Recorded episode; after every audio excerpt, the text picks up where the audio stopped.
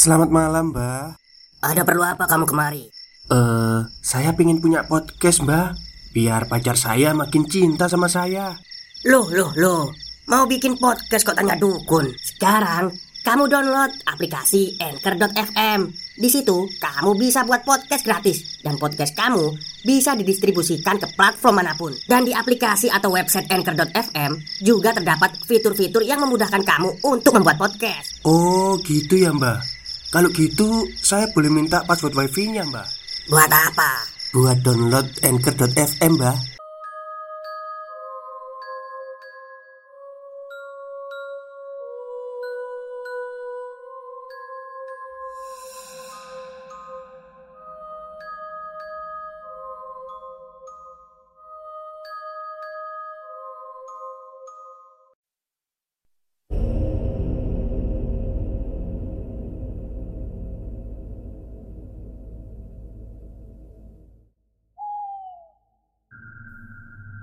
Assalamualaikum warahmatullahi wabarakatuh. Halo semuanya. Jumpa lagi dengan saya Chow Sing Sing Kurator dari podcast Horror Night Story. Halo apa kabar semuanya? Semoga kalian semua sehat-sehat ya. Dan seperti biasanya pada malam hari ini Malam Kamis Malam Jumat ya saya akan menghadirkan sebuah kisah mistis yang akan menemani tidur kalian. Kisah ini saya datangkan lagi dari treat horornya cerita horor nyata yang menceritakan tentang kuyang. Oke, daripada kita berlama-lama, mari kita simak ceritanya. Assalamualaikum warahmatullahi wabarakatuh. Selamat malam semuanya. Biasanya, orang yang mendapat warisan tentu sangat bahagia, tapi sang pewaris justru merasa sangat tidak menginginkan warisan itu. Ini berbeda. Lantas, bagaimanakah kisah selengkapnya? Berikut ini adalah ringkasan kesaksian dari narasumber waktu itu. Waktu itu usiaku memang relatif sangat belia. Selepas SMU, aku memilih untuk masuk sekolah kebidanan. Bidan adalah profesi yang sangat mulia. Menurut pendapatku, penolong para wanita yang akan menjadi ibu penolong proses kelahiran seorang bayi yang hadir di dunia ini. Penolong ibu-ibu yang jauh dari dokter, rumah sakit, atau puskesmas. Kehadiran bidan di pedalaman memang sangat berarti bagi mereka yang tinggal jauh dari kota. Apalagi di Kalimantan, banyak keluarga yang tinggal di tepi-tepi hutan bahkan berada di dalam hutan belantara. Sebab, kalau hanya mengandalkan para dukun beranak saja, tidak akan menyelesaikan masalah.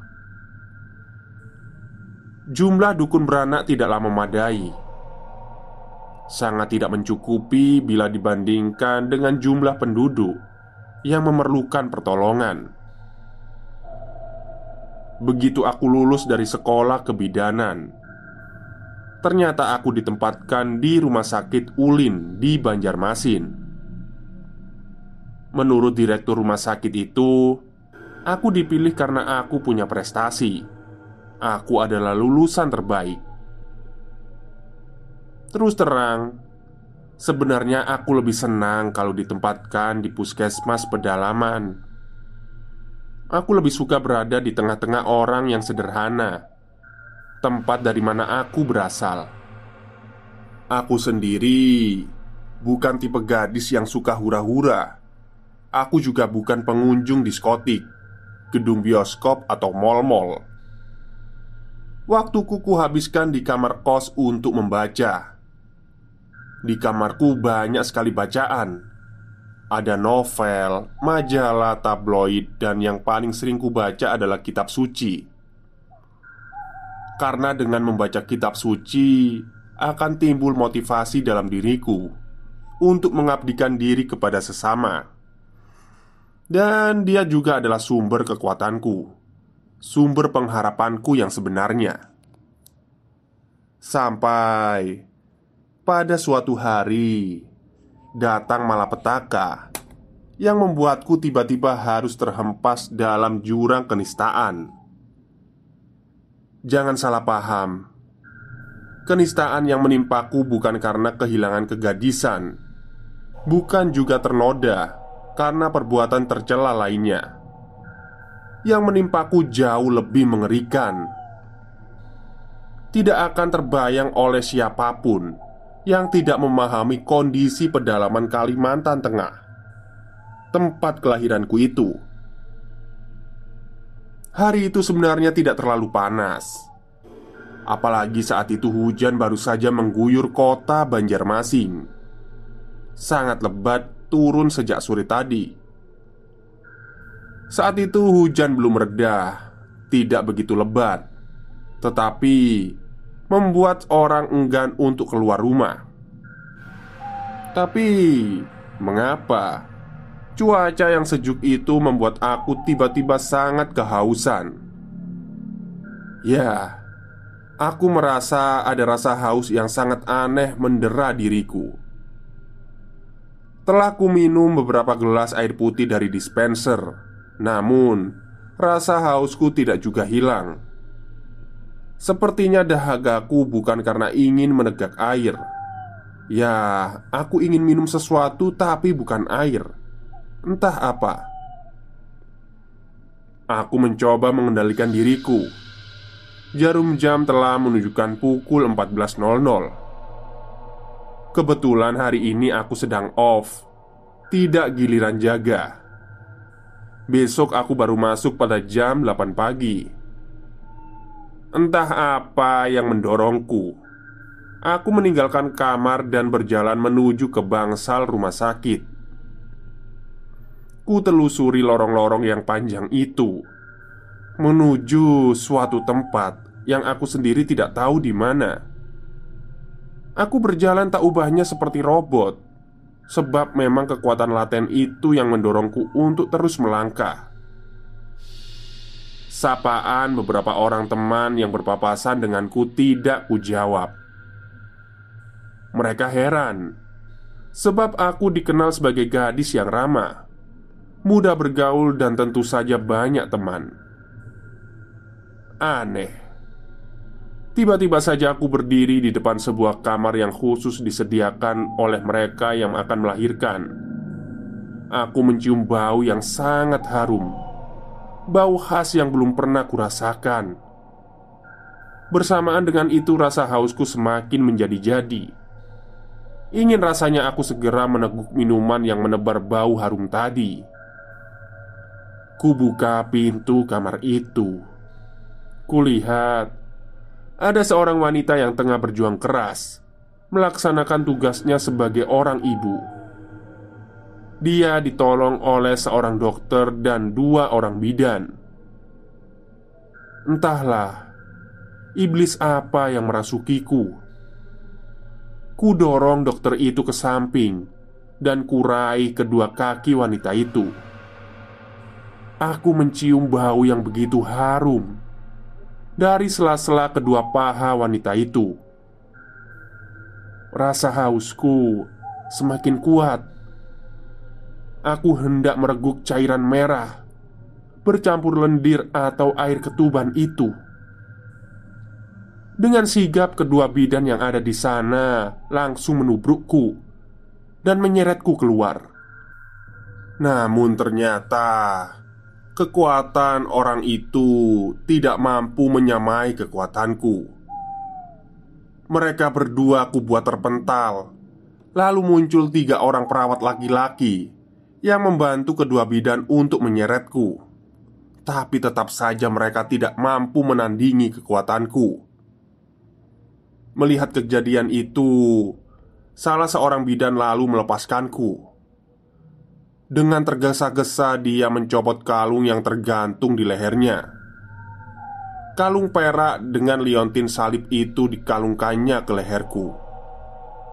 Begitu kalung itu tergantung di leherku, aku langsung pingsan.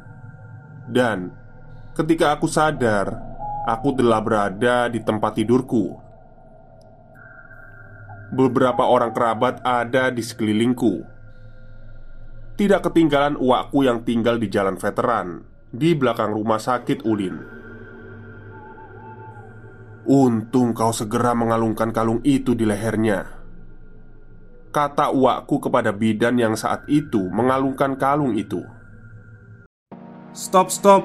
Kita break sebentar. Jadi gimana? Kalian pengen punya podcast seperti saya? Jangan pakai dukun. Pakai anchor. Download sekarang juga. Gratis. Entah dari mana aku bisa ingat untuk memakaikan kalungku Jawab Rosma Sepupuku yang juga seorang bidan di rumah sakit yang sama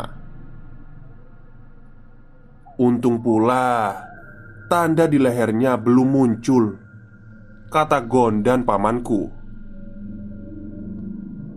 Mengapa kalian semua di sini? Tanyaku heran Kau sedang sakit Jawab Rosma Sakit? Sakit apa? Rasanya aku sehat-sehat saja. Jawabku setengah tidak percaya. Uwak kemudian menceritakan kepadaku bahwa aku mewarisi ilmu almarhumah ibuku Kuyang. Aku bergidik ngiri mendengarnya. Sulit dibayangkan kalau aku bisa menjadi kuyang Makhluk pemakan darah.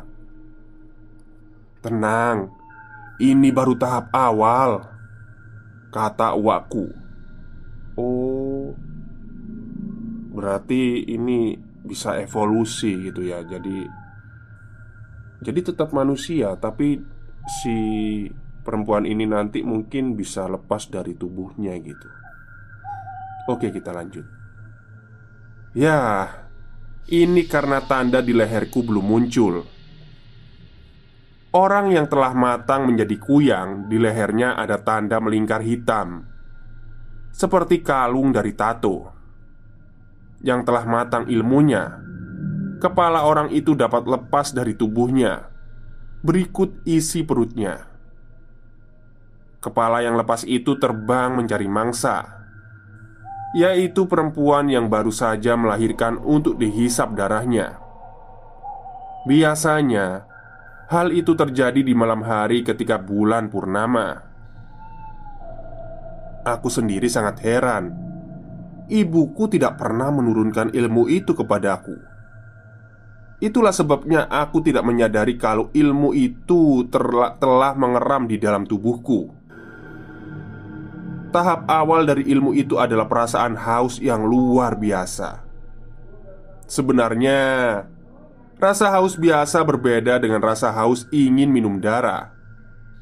Tetapi aku belum dapat membedakan.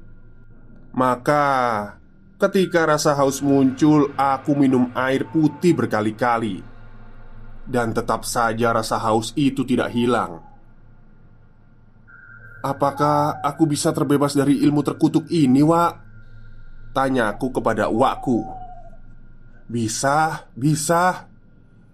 Kemauan yang kuat dan usaha yang bersungguh-sungguh akan dapat membebaskanmu dari warisan yang tidak kau inginkan itu.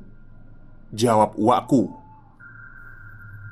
Beberapa hari kemudian uakku memberiku kalung yang bahannya dari besi putih.